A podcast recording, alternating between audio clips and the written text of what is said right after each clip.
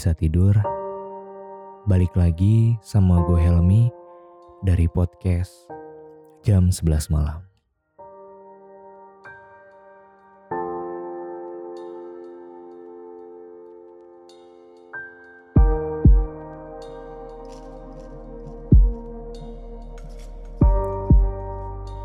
Pada episode kali ini, gue mau membahas tentang abusive relationship atau kekerasan dalam suatu hubungan. Yang di mana pada materi kali ini gue bakal bagi jadi dua atau tiga episode. Yaitu kekerasan dalam fisik, verbal, maupun emosional. Karena tiga hal ini nih yang paling sering terjadi di suatu hubungan di Indonesia. Oke langsung aja. Gue udah terhubung nih sama salah satu temen gue. Namanya Sela. Sela ini dia salah satu korban dari abusive relationship secara fisik. Oke. Halo Sel. Halo. Gimana nih? Katanya kamu mau cerita ya? Ada cerita apa nih? Tentang toxic relationship ya? Oh iya, tentang apa nih? Tentang apa ya? Eh perkenalan dulu dong gue. Oh boleh boleh, ya silahkan sok perkenalan. uh, gue Sela. Sekarang gue tinggal di Bekasi. Gue udah pernah melalui hubungan yang toksik itu setahun. Tahun 2018 ke 2019. Gitu. Toksiknya ini abusive ya? Ah iya. Mana nih? Lo fisiknya, verbalnya atau apanya nih? Lebih ke fisik sih. Lebih ke fisik. Oh, Satu yeah. tahun ya? Wow. Satu tahun. Oke coba sok cerita gimana Sel? Iya jadi gue kenal sama mantan gue ini di kampus dia teman kampus yang beda jurusan ya sama gue nah kita tuh kenal pas tingkat-tingkat akhir pas gue hmm. tingkat akhir dia juga sama-sama tingkat akhir gitu awalnya baik-baik aja gue seneng sama dia karena dia apa ya sebagai cowok tuh dia baik banget gitu ya sama gue kayak nge-treat gue like a princess terus Oke. Okay. Apa? Iya terus dia baik banget lah pokoknya sama gue sampai akhirnya ngerasa sih gue ngerasa ada yang janggal gitu dari dia karena berapa kali kalau gue ngelakuin kesalahan gitu meskipun nggak disengaja dia kayak gampang banget emosi gampang banget marah gitu ya mungkin wajar mungkin ya emang salah gue dan ya udah gitu dia marah ya oke it's okay lah gitu tapi makin ke sini tuh kayak makin gak wajar aja sih selama setahun itu tuh gue ngerasain abusive yang benar-benar abusifnya itu di dua momen terakhir gue sebelum putus sama dia. Gimanain tuh? Apanya? Uh, maksudnya kan tadi lu bilang ada dua momen yang lo ngerasa lo bener-bener diberlakukan dengan sangat tidak layak ya dengan cara kekerasan hmm. ya nah hmm. itu lo diapain tuh ya bersyukurnya gue gue nggak sampai kenapa-kenapa ya sampai ada bekas luka atau gimana enggak sih cuman yang gue alamin ketika itu jadi kan ceritanya gue uh, lulus nih ya gue lulus duluan dan dia belum lulus. Kita tuh kuliah di Bandung. Nah setelah itu gue kerja langsung kerja di Bekasi nih. Gue pindah dong otomatis. Gue tinggal di Bandung dan gue di Bekasi ngekos.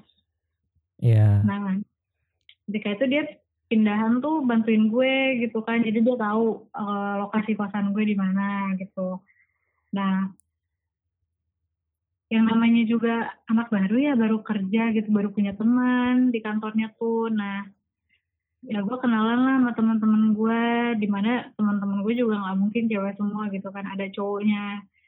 Nah pas itu gue tahu sih mantan gue ini emang protektif banget dan cemburuan. Tapi cemburuannya selama gue ketemu sama dia dan bareng-bareng sama dia itu kayak masih wajar aja gitu. Nah ketika ini nih pas gue masuk kerja terus gue kenal sama teman-teman baru ada temen gue gitu kan jadi ceritanya kita makan bareng Panggil aja Namanya- Anton lah ya. oh ya panggil aja dia Anton deh pokoknya Oke. makan bareng. Nah, pas lagi kita makan bareng itu, si mantan gue ini nelfon. Dia nanya sih awalnya, lagi di mana? Ini lagi makan nih sama Anton, gue bilang gitu.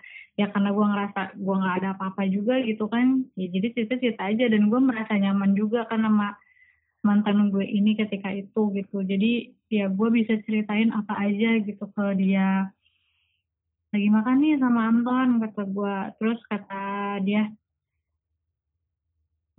enggak sih nggak kata dia. Terus tiba-tiba dia video call gitu kan ke gue. Dia video call terus gue angkat dong. Ya karena posisinya gue kita nggak lagi ngapa-ngapain dan nggak ada apa-apa juga gitu kan. Terus lagi makan bareng terus dia nanya mana Anton? gitu kan. Terus gue kasih lihat tuh ada Antonnya gitu. Ya Antonnya juga biasa aja gitu kan. Terus dia marah-marah gitu sama gue jadi sekarang sama Anton. Jadi gimana? Kayak gitu gitulah pokoknya dia marah-marah sama gue. Cemburu lah ya, ya. ah jealous jealous gitu. Kenapa sih makanya berdua bla bla bla kayak gitu. Ya udahlah gitu kan. Ya gue pikir udah sampai situ aja sore kan. Terus malam dia masih chattingan sama gue. Masih chattingan sama gue. Terus dia bilang ya nih masih di kampus lagi main sama anak-anak gitu. Gue balik ke kosan kan. Itu udah jam 9 malam dan ya udah gitu kan gue tidur. Nah yang bikin gue kagetnya adalah ternyata dia cemburunya tuh cemburu banget gitu. Cemburunya cemburu parah yang sampai lo bisa bayangin tiba-tiba dia datang ke kosan gue jam 12 malam. Itu kan kondisinya kosan gue itu kosan cewek. Kosan cewek semua yang bentuknya kosan gitu bukan kontrakan. Jadi gue jarang jarang kunci pintu gitu di Heeh. kamar gue itu. Tiba-tiba tengah malam ada yang ngegebrak pintu kamar gue. Gue Gila, kaget gila, sih itu kaget banget. Ya lo bayangin gue lagi tidur. Ya gimana sih? Gitu kan gak enak gitu. Udah, udah ya. Terus. ya terus dia buka pintu terus gue kaget dong. Eh lo kok bisa ada di sini sih? Gitu mana handphone lo? Gitu. Dia teriak-teriak gitu di kamar gue mana handphone lo? Gue mau lihat handphone lo gitu. Terus ya dia lihat lah gitu kan handphone gue. Gue di situ takut kan takut banget.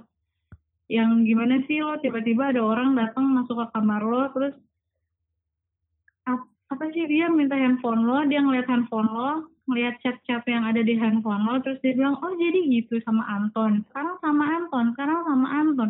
Di situ gue apa ya takut banget kaget. Dan gue pengen banget kayak kabur gitu loh dari situ. Dia karena dia tuh kayak ngancem ke gue gitu kan. Ini handphone kalau lo masih deket-deket sama Anton nih gue banting nih handphone lo gue banting nih handphone lo sampai kayak gitu gitu. Padahal dia sendiri baca gitu ya chattingan gue. Apa sih kayak dia tuh tegang banget dan dia tuh ngeliatin handphone gue gitu ngeliatin chat-chatnya gue sama Anton dan emang emang iya teman kerja yang baru kenal gimana sih ayo Hmm. makanya gue ajak deh makan ke sini kayak gitu loh Mm-mm. Ah, nah habis itu karena gue panik banget, akhirnya gue ngumpet tuh ke kamar mandi. Gue udah nangis di situ tuh.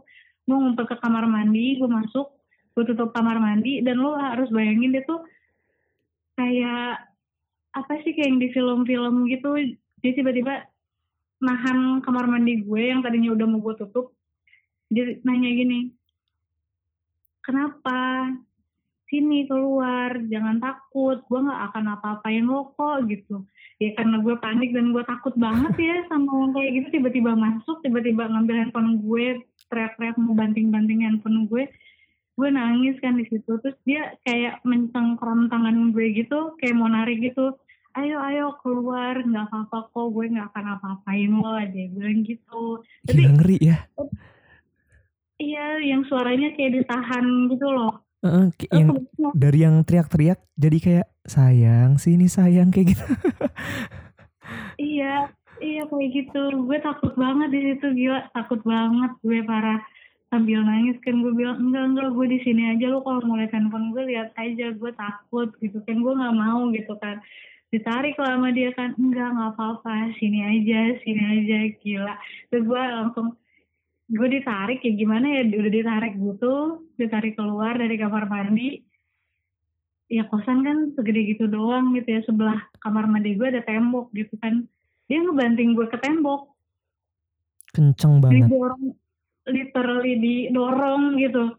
Kan kaget ya gue.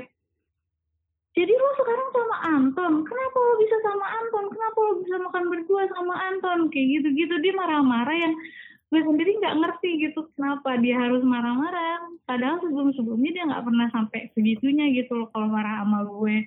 Paling juga ya gimana sih? Ya marah ya cowok cemburu ke ceweknya lo ngerti kan kayak gimana uh, gitu. Tapi nggak sampai kayak gitu sampai akhirnya dia kayak mau nonjok gue tangannya udah nggak kepal tapi dia nggak nonjok gue dia nonjoknya ke tembok sebelah gue persis sebelah telinga gue gitu berat gitu loh kan gue kaget ya gue tambah nangis kan di situ. Terus dia nahan gue dong habis itu kan. Dia nahan gue pakai tangannya dia di leher. Dia sakit tempelin ke leher gue. Nggak sakit sih sebenarnya cuman dia nahan gitu loh kayak nahan kayak oh, bi biar nggak kabur gitu ya? Uh, uh, biar nggak kabur biar gue nggak ngapa-ngapain biar gue nggak uh. bisa ngapa-ngapain gitu. Dia nanya lo nggak mau minta maaf sama gue? Lo nggak mau minta maaf sama gue? Gitu ya karena gue merasa nggak bersalah gitu ya di situ. Dan gue juga apa adanya gitu gue bilang ke dia terus ya udah gitu. Gue diem aja gue nangis di situ gue nangis nangis banget. Terus tiba-tiba dia sujud di depan gue.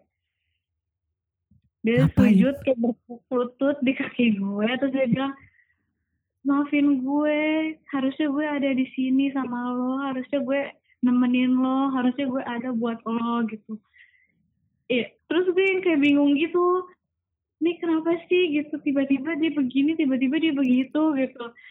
Terus gue ngeliatin aja ini gimana nih? Gue kalau misalkan gue gue harus pergi dari sini gue takutnya dikejar sama dia gitu loh. Jadi karena gue sayang juga mungkin ya karena gue ngerasa ini baru pertama kali kok dia kayak gini ke gue gitu. Akhirnya gue gue nanya lah sama dia kenapa? Kamu kenapa? Gitu. Ya udah nggak apa-apa. Aku minta maaf ya. Sampai gue sendiri yang bilang minta maaf ke dia karena gue takut gitu. Takut dia balik lagi jadi emosional lagi gitu. Di situ dia nangis. Nangis kayak bertukuk lutut kayak ngerasa dia bersalah banget sama gue gitu. Gue jadi bingung gitu gue yang lagi nangis terus tiba-tiba dia ikutan nangis. Tengah malam kosan cewek lo bayangin kan. Terus akhirnya ya udah karena gue nggak mau ada yang datang ke kamar gue lagi gitu gue bilang ya udah nggak apa-apa ya udah nggak apa-apa sekarang udah jam segini udah pulang ya gitu gue bilang gitu ke dia akhirnya dia pulang setelah itu tuh dia bener, bilang bener, ya maaf kenapa Iya, gimana ya? Emang rata-rata dari pelaku abusive ini nih mereka pinter memanipulasi gitu loh. Jadi ngebuat si korbannya itu yang tadinya misalkan nih lu ngerasa bersalah nih. Dibalik sama dia jadi seolah-olah dia yang bersalah. Jadi yang tadinya lo marah lo jadi kasihan gitu loh. Iya, karena bener, karena jadi, cinta ya gak sih? Hmm. Lo cinta nih sama dia. Lo tega gak sih hmm. ngelihat orang yang lo cinta ngemis-ngemis. Iya, iya nah, benar-benar banget. Gitu caranya sih. Gila, gila, gila. Terus, terus, terus. Iya, gue gue juga kan jadi ngerasa ya ampun ya orang gitu segitu cemburunya sama gue sampai kayak gitu ya gitu. Ya udah nggak apa-apa deh. Di situ gue masih ngerangkul banget tuh sama dia. Ya udah nggak apa-apa. Ya udah pulangnya sekarang gitu. Karena nggak enak kan gitu kosan cewek. Terus akhirnya dia pulang lah gitu. Udah tuh dari situ itu tuh kejadiannya pertengahan bulan eh pertengahan tahun kita enam bulan gitu. Tapi gini deh gue mau nanya sel. Mm -hmm. kenapa lu nggak langsung mutusin dia karena dari gue pribadi kacamata orang yang memikirkan hal tersebut dengan logika nih kan gue misalnya oh, gue orang lain nih gue ngeliat lo gue mikir pakai logika udah tahu hmm. dikasarin kayak gitu, seharusnya kan langsung diputusin. Kenapa? Lu takut atau gimana? Kenapa lu nggak berani mutusin dia saat itu juga? Gak tahu ya. Jadi apa yang dia kasih entah entah itu di hanya di dalam toxic relationship kayak gini atau gimana gitu ya. Cuman yang gue rasain apa yang dia kasih ke gue tuh kayak yang masih nggak sebanding sama marahnya dia ketika itu gitu loh. Jadi kayak dia ini udah baik banget gila parah sih sama gue udah baik banget udah ngebela-belain gue banget gitu. Dan dia emang kita tahu dia emang jelasan gitu. Dan ini baru pertama kali dia kayak gitu jadi ya udah gitu gue masih bisa menolerir kalau dia seperti itu gitu. Nggak tahu karena emang sayang banget kali ya karena dia udah udah bikin kita nyaman duluan sama dia mungkin ya. Mungkin mungkin mungkin. Terus terus terus. Uh, ada nggak yang lebih parah dari itu? Ya nah. Yang bikin gue putus sama dia juga sih itu sekalian. Jadi yang kali keduanya sebenarnya emang dia tuh berapa kali kayak misalkan gue nggak sengaja numpahin kopinya dia gitu. Lagi kita lagi nongkrong gitu nggak sengaja terus gitu kan kena tangan gue kopinya tumpah gitu. Di situ dia marah sampai ngusir gue kayak gitu. Tuh dia pernah kayak gitu. Jadi kalau menurut gue oh ya mungkin marahnya dia seperti itu gitu ya. Kayak masih oke gue masih mau nerima dia gitu ya. Udah nggak apa-apa nggak apa-apa gitu. Sampai akhirnya yang kedua kalinya ini yang bikin gue shock banget dan bikin gue ketakutan abis mm-hmm. tiba-tiba padahal sama si Anton ini tuh kan udah udah udah nggak ada apa-apa gitu ya udah yeah, berjalan yeah. ya udahlah gitu orang temenan aja dan udah gitu terus nggak tahu kenapa dia mungkin apa masih kepikiran apa gimana apa keinget lagi gitu kan kita LDR gitu ya dia di Bandung gue di Bekasi. Nah terus gue lagi hari Minggu itu inget banget hari Minggu yang besok ada tuh hari Senin. Kita lagi chattingan kayak biasa gitu. Tiba-tiba dia ngilang aja. Sama gitu polanya tapi gue nggak ngeh gitu kalau misalkan dia seperti itu lagi gitu ketika yang pertama itu gitu. Nah yang pas yang kedua tiba-tiba jam setengah 12 malam dia ngechat gue gitu bilang 12 malam. Kenapa?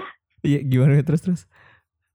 Iya dia ngechat gue setengah 12 malam bilang e, kamu bisa nggak turun ke bawah? Jadi kosan gue itu kan dua lantai ya. Uh -uh di lantai satunya tuh parkiran motor dan gue bawa motor gitu. Nah dia tuh bilang gini ke gue e, bisa nggak kamu turun ke bawah? Tolong fotoin ini dong ban motor. Lo ban kan motor. ban motor ada uh, uh, ban motor ada gerigi-geriginya itu loh. Astaga. Terus terus? Terus? Iya. Dia juga sih dia pikiran aja gitu buat gue kayak gitu. Tapi lo nurut ya? Ban motor loh awalnya gue gak mau kan. Gue juga bingung jam setengah dua belas malam tiba-tiba dia ngechat gue dan kebetulan gue belum tidur dia bilang kan tolong dong fotoin ban motor. Itu soalnya ibu aku mau ganti ban motor tapi pengennya yang sama kayak ban motor kamu gitu. Okay, gue okay, gak kepikiran juga kalau ya ban motor banyak kali gitu kan. Iya, harus gue fotoin? Gitu gue gak, gak kepikiran sama sekali itu pas itu. Terus gue bilang kan ngapain ih jam segini males kata gue gitu. Katanya dia ih harus sekarang soalnya ibu nungguin fotonya gitu. Ya udahlah gitu udah malam juga kan ya udah mungkin udah sepi kali ya gue turun ke bawah lah situ. Di lantai satu tuh parkiran gelap kan lampu dimatiin. Terus gue turun tangga gue fotoin tuh bannya cekrek gitu pas gue mau naik ke atas lo tau nggak ada apa di atas? Ada apa? Tiba-tiba dia ada di ujung tangga di atas di lantai dua. Gue kaget itu kayak di film-film ya. Di film iya. Gue gak ngerti dia masuk dari mana gitu. Gue gak ngerti gue padahal takut. satu jalan. Jalannya cuma satu jalannya cuma satu cuma ada satu tangga itu aja gitu. Gue nggak tahu dia dari kapan ada di situ kapan masuknya. Yang gue tahu gue terakhir chattingan sama dia jam 9 gue pikir dia tidur atau nongkrong sama temennya gitu kan. Terus gue kaget dong shock banget. Di situ gue sampai terduduk gitu loh di tangganya. Astagfirullah kamu ngapain ada di sini? Kata gitu gitu kan. Kaget banget kaget banget gitu. Terus dia bilang lo kebayang gak sih kayak dia yang tatapan datar dari atas ngeliat gue ke bawah gitu kayak sinis banget terus dia bilang kaget ya kayak pengen ngebunuh Iya. ya gak sih? Iya terus gue sampai yang terduduk itu sampai lemes banget gue gemeteran itu gue takut banget kejadian yang sebelumnya kejadian lagi kan. Nah gue mikir dulu tuh pas itu pas gue terduduk gitu ini gue salah apa lagi sih gitu gue nggak tahu salah gue apa gitu. Terus gue ngeliatin dia kaget lah kaget banget gitu terus dia masih berdiri di situ nggak bergerak sama sekali. Terus dia bilang ke gue masuk kamar. Gue kaget dong situ kan. Gue disuruh masuk kamar terus gue mikir aduh gue pengen banget kabur nih gimana caranya ya gimana caranya gitu. Terus dia bilang masuk kamar sekarang gitu. Terus gue bilang kan ke dia enggak deh kamu duluan aja yang masuk kamar soalnya gue takut kan takut dia ngapa-ngapainin gue dari belakang apa gimana gitu kan enggak deh kamu duluan aja gitu. Enggak enggak kamu duluan kata dia gitu. Terus gue ya udahlah gitu kan udah kayak udah terperangkap gitu kembali gitu kan. Gue buka kamarnya buka pintu kamar. Terus dia masuk di belakang gue dia ngebanting pintu kamar gue. Itu dia hilang kan sebelumnya. Pas itu tuh dia pas ngebanting itu sebelum terjadi sesuatu yang lebih parah lagi dia tuh bilang aku tahu kalau yang sekarang pintu kamu dikunci. Waktu kemarin pintu kamu dikunci nggak dikunci aku tahu pintu kamu nggak dikunci karena kamu jarang eh, apa namanya nggak pernah ngekos gitu. Nggak pernah ngekos dan kamu pasti nggak akan kunci pintu. Kalau sekarang aku udah tahu pintu kamu dikunci. Jadi makanya aku suruh kamu ke bawah dulu biar aku kagetin kamu. Gila itu gue shock banget gue ngomong kayak gitu tuh. Berarti sebelumnya dia pernah ke kosan lu juga tuh. Kayaknya dia sebelumnya maksudnya gini sebelumnya berarti dia pernah ke situ juga iseng ngebuka ternyata dikunci terus dia balik kali. Nah gue nggak tahu deh tuh. Apa warna terus terus, gue nggak tahu gue nggak pernah juga sih sebenarnya. Terus udah gitu abis kayak gitu dia ngedorong gue. Gue kaget kan pas dia ngomong kayak gitu. Jadi kita hadap hadapan tuh ya.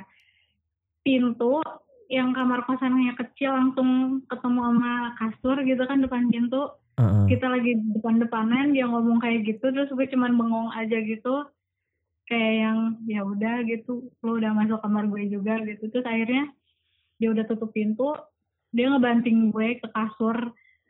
Ngebanting gue beneran didorong gitu loh. Kayak gue salah banget gitu kayak dia tuh kayak apa ya lo tau gak sih didorong yang bener-bener didorong? Berat Ah, gitu loh ah, tahu tahu iya iya. Kasur di situ kan di kasur gue ada ini kan ada selimut ada bantal yang gitu gitu ditimpukin ke atas kepala gue ditutupin muka gue. Dikekep. Iya dikekel Gila. Diteken gitu loh muka gue sambil ditonjok-tonjok sama dia. Lo tuh sebenarnya ada apa sih sama Anton? Sebenarnya ada apa sih sama Anton gitu sampai di buk buk buk gitu kan? Aduh gue udah nggak bisa ngapa-ngapain. Gue Berapa nangis kali? di situ. Berapa kali ya? Banyak. Ada kali lima kali. Wah, gila. Kenceng nggak tapi? Oh. kerasa nggak? Kerasa kerasa kerasa. Kayak apa sih lu ka- kayak lagi kesel sama orang terus lu nonjok nonjokin bantal gitu loh jadi pakai sekuat tenaga meskipun gak, ban- nggak banyak berkali-kali gitu tapi kan kerasa gitu ya. Tekanannya tuh sakit gitu loh. Heeh, heeh. muka gue digitu-gituin Gila sama dia gitu. Sampai gue kayak udah nggak bisa nafas lagi tuh gue udah nangis gitu gue takut lemes dan gemeteran. Kayak otomatis gitu setelah dia nonjok-nonjokin itu gue sambil marah-marah ada apa sih lo sama Anton? Ada apa sih lo sama Anton? gitu dia kayak gitu lagi gitu. Nangis lagi tiba-tiba nangis menjauh dari gue berlutut gitu. Tuh kan gue sampai sampai gue nggak bisa mikir apa-apa lagi. Tuh gue nangis doang di situ. Terus gue duduk terus dia nangis gitu. Tiba-tiba dia nyiumin kaki gue.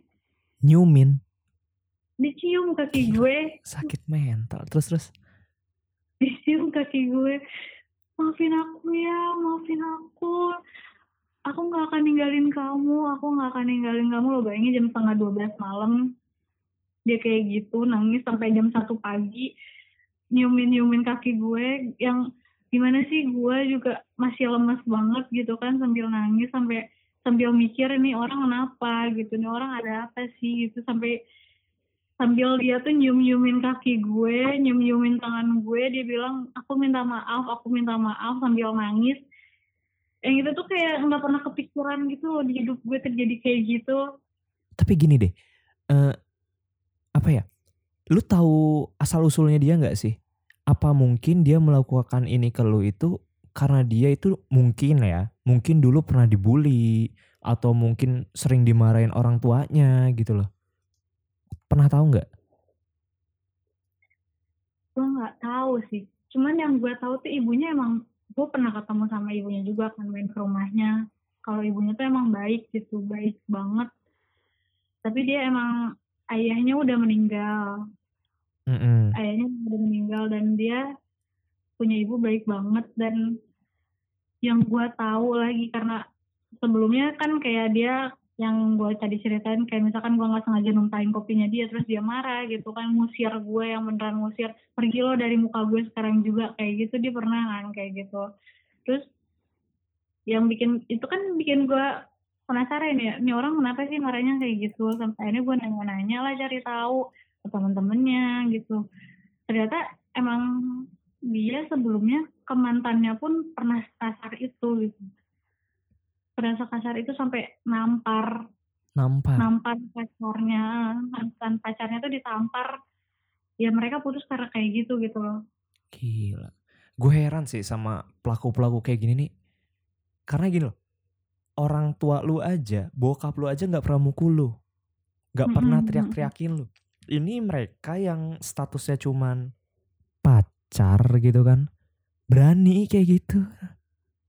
Heran sih gue ya, tapi mungkin gini, rasa memilikinya tinggi mungkin ya kita juga nggak bisa nyalain mereka sih ya mungkin ada alasan tertentu gitu kan kenapa mereka seperti itu cuman ya tetap aja perbuatan mereka nggak bisa dibenarkan gitu loh tapi gini iya.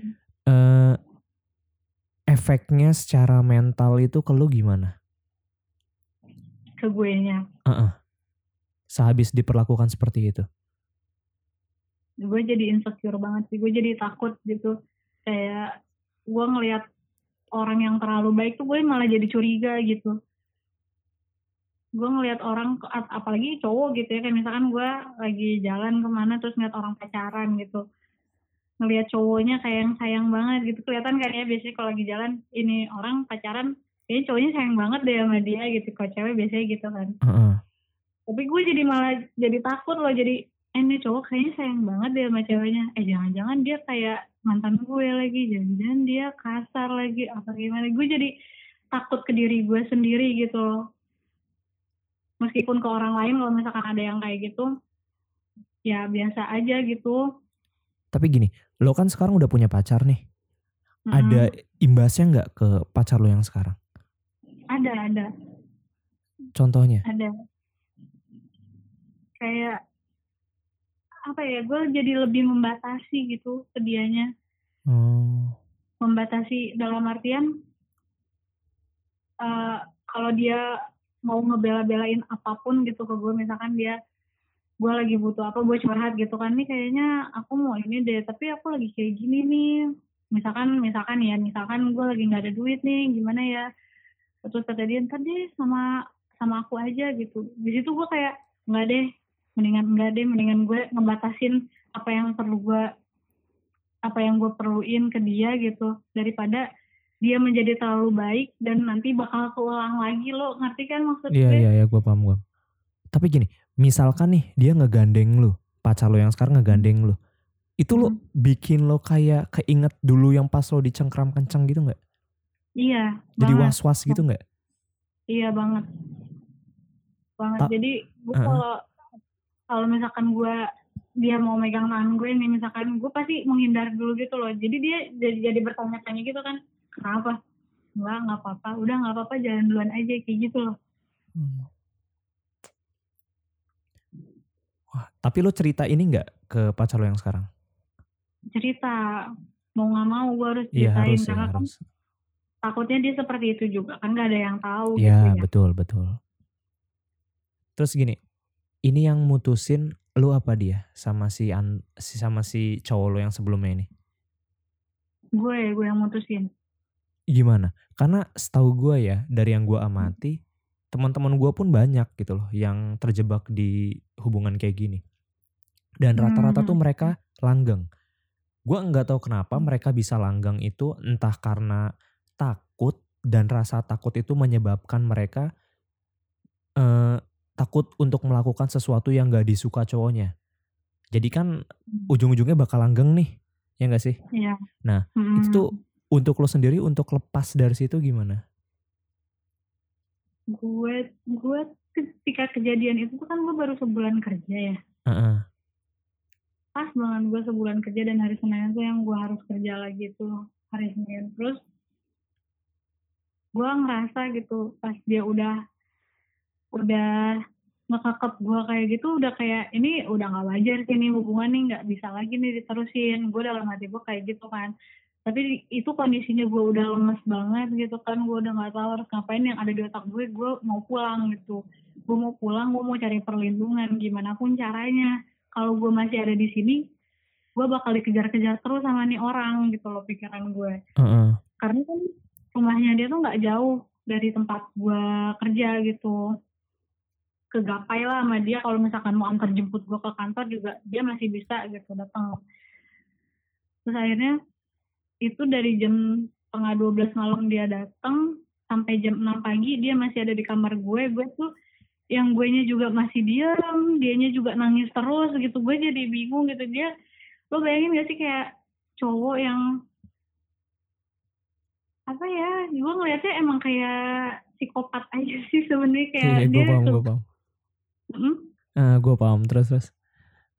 nah iya dia kayak sayang gimana? Eh, kamu mau nikah ya sama aku nih daripada kamu Gila. ntar digangguin sama cowok-cowok. Mendingan kita nikah aja ya. Kita besok nikah ya. Aku bilang sama ibu kamu. Ntar aku juga bilang sama ibu aku. Kamu nggak usah mikirin apa-apa. Aku aja yang mikirin semuanya gitu. Sampai kayak gitu gitu. Sampai gue sendiri nanya gitu kan ke dia maksudnya apa sih? Gitu kenapa barusan lo tiba-tiba kasar banget sama gue terus tiba-tiba lo nangis terus tiba-tiba lo ngajak gue nikah gitu. Maksudnya apa sih gitu? Terus dia jawabnya ya karena aku nggak mau jauh-jauh dari kamu. Kayaknya aku nggak bisa jauh-jauh dari kamu. Dia bilang kayak gitu kan. Nangis lagi. Terus gue nya diem sampai akhirnya jam 6 pagi tuh ya. Gue ngerasa ini gue harus banget pulang nih. Gue harus banget pulang ke Bandung gitu. Terus gue bilang gue mau pulang ke Bandung kata aku kata gue gitu kan. Terus kata dia kan kamu harus kerja. Ini jam 7 pagi loh kamu bentar lagi masuk gitu. Terus itu kayak nggak mikirin kondisi gue gue abis nangis nangisan kayak gitu gue abis ketakutan mata gue sembab ya masa gue datang ke kantor sih gitu mak. Mm-mm. gue ngerasa gue nggak mungkin banget melakukan itu dan menghilangkan semua itu seperti tidak terjadi apa-apa gitu. Mm-mm. Terus gue bilang enggak enggak mau pulang aja mau pulang jangan ayo ayo aku anterin yuk ke kantor yuk nggak apa-apa aku anterin aku anterin gitu enggak enggak mau pulang aja terus di situ gue nggak ngambil baju kerja gue ganti baju pakai baju mau pergi Heeh. Dan akhirnya lo pulang kan? baju. Heeh. Apaan? Nah terus gue balik lah situ kan terus dia bilang enggak kamu jangan pulang sendiri ya aku antar gitu. Aku antar ayo kita pulang ke Bandung dia bilang gitu kan. Aduh jangan deh dalam hati gue gue nggak mau nih dia sampai ikut ke Bandung karena Heeh. rumahnya dia deket sama eh, tempat gue kerja gue bilang lagi kan ke dia enggak deh mendingan lo pulang aja lo belum pulang ke rumah kan lo pulang dulu deh ngobrolin ngobrolin dulu lah sama ibu lu mau mau lu gimana sih sama gue gitu. Sampai akhirnya ya udah kalau gitu aku antar deh kamu ke terminal dia bilang gitu. Gue bilang ya udah nggak apa-apa gitu. Yang Terus dia eh, tuh eh, apa? Terus lo mutusinnya langsung atau gimana? gue nggak langsung mutusin di depan mukanya dia sih. Gue mutusinnya jadi gue udah pulang nih kan.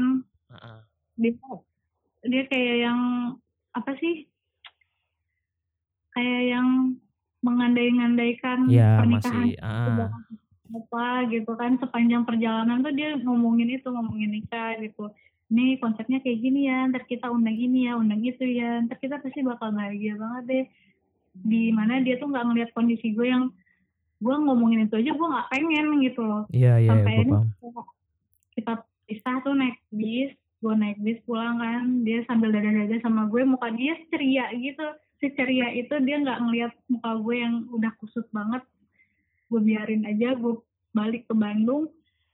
Gue pulang nyokap gue ngeliat gue udah berantakan banget. Nyokap gue nanya kenapa? Gitu gue cerita lah semuanya ke nyokap gue. Terus kata nyokap gue ya udah ya udahlah yang kayak gitu mah bisa aja bisa aja gitu.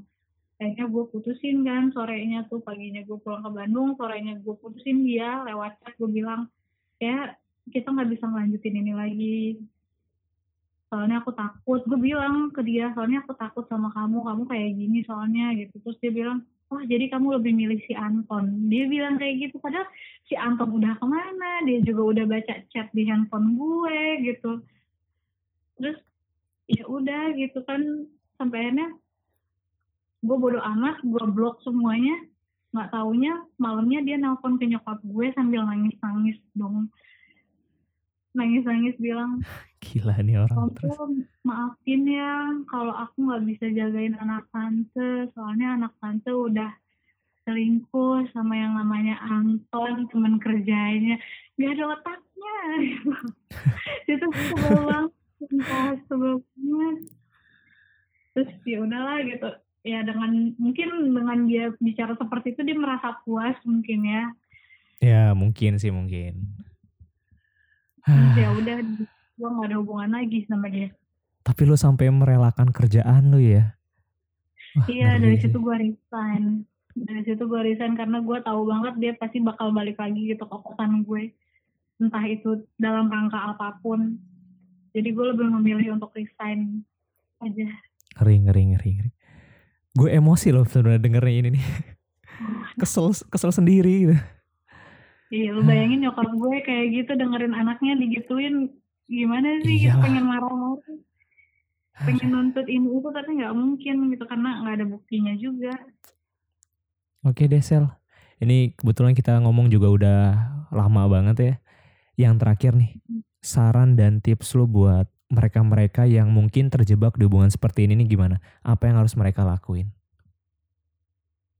apa yang harus mereka lakuin yang pertama sih kita harus sadar diri dulu kalau misalkan memang kita tuh berada di toxic relationship yang emang gak sehat banget yang benar-benar gak sehat kan pastilah ada yang lebih parah daripada gue gue yakin banget Iya. karena orang-orang kayak gitu itu udah nggak pakai akalnya mereka gitu untuk melakukan hal seperti itu jadi ketika lo berada merasa berada pada keadaan yang seperti itu dalam hubungan yang seperti itu lo udah dikasarin lo udah dimaki-maki atau diapain lah se- sedikit pun tindakan kekerasan yang ada dalam sebuah hubungan itu berarti udah nggak baik itu hubungan mendingan lo cabut dari hubungan itu secepatnya sebelum lo diapa-apain sama orang itu sih Dan cari tempat curhat juga kali ya.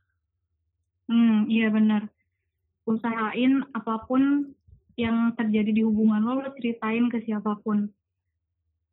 Oke, Teman oke, dekat oke. lo, orang tua lo. Oke, makasih banyak ya Sel. Sebelumnya gue juga mau minta maaf kalau misalkan obrolan ini sedikit membuka luka lama lu. Di sini gue juga cuman untuk apa ya, pengen sharing lah biar teman-teman yang mungkin dengar podcast ini nih tahu gitu loh. Apa sih yang harus mereka lakukan ketika mereka ada di posisi ini. Dan gue juga cuma bisa doain lu, semoga trauma lu bisa cepat sembuh dan lu mendapatkan orang yang bisa lebih menghargai lu. Dan saran gue sih satu aja Hmm, tetap berperilaku baik karena gue percaya sih apa yang kita lakukan itu akan ada imbasnya untuk kita. Entah itu untuk kita atau anak-anak kita. Jadi tetap doain orang itu tetap doain yang terbaik semoga dia mendapatkan hidayah lah dari apa yang sudah dia perbuat dan lu Iya. percaya aja kalau cowok itu gak cuma satu dan banyak yang bisa lebih menghargai lu itu Iya benar banget. Thank you. Oke, makasih Asel. Oke, makasih buat teman-teman yang udah mau denger podcast gue pada malam hari ini. Semoga selalu ada pelajaran yang bisa diambil dari setiap episode podcast yang gue bawain.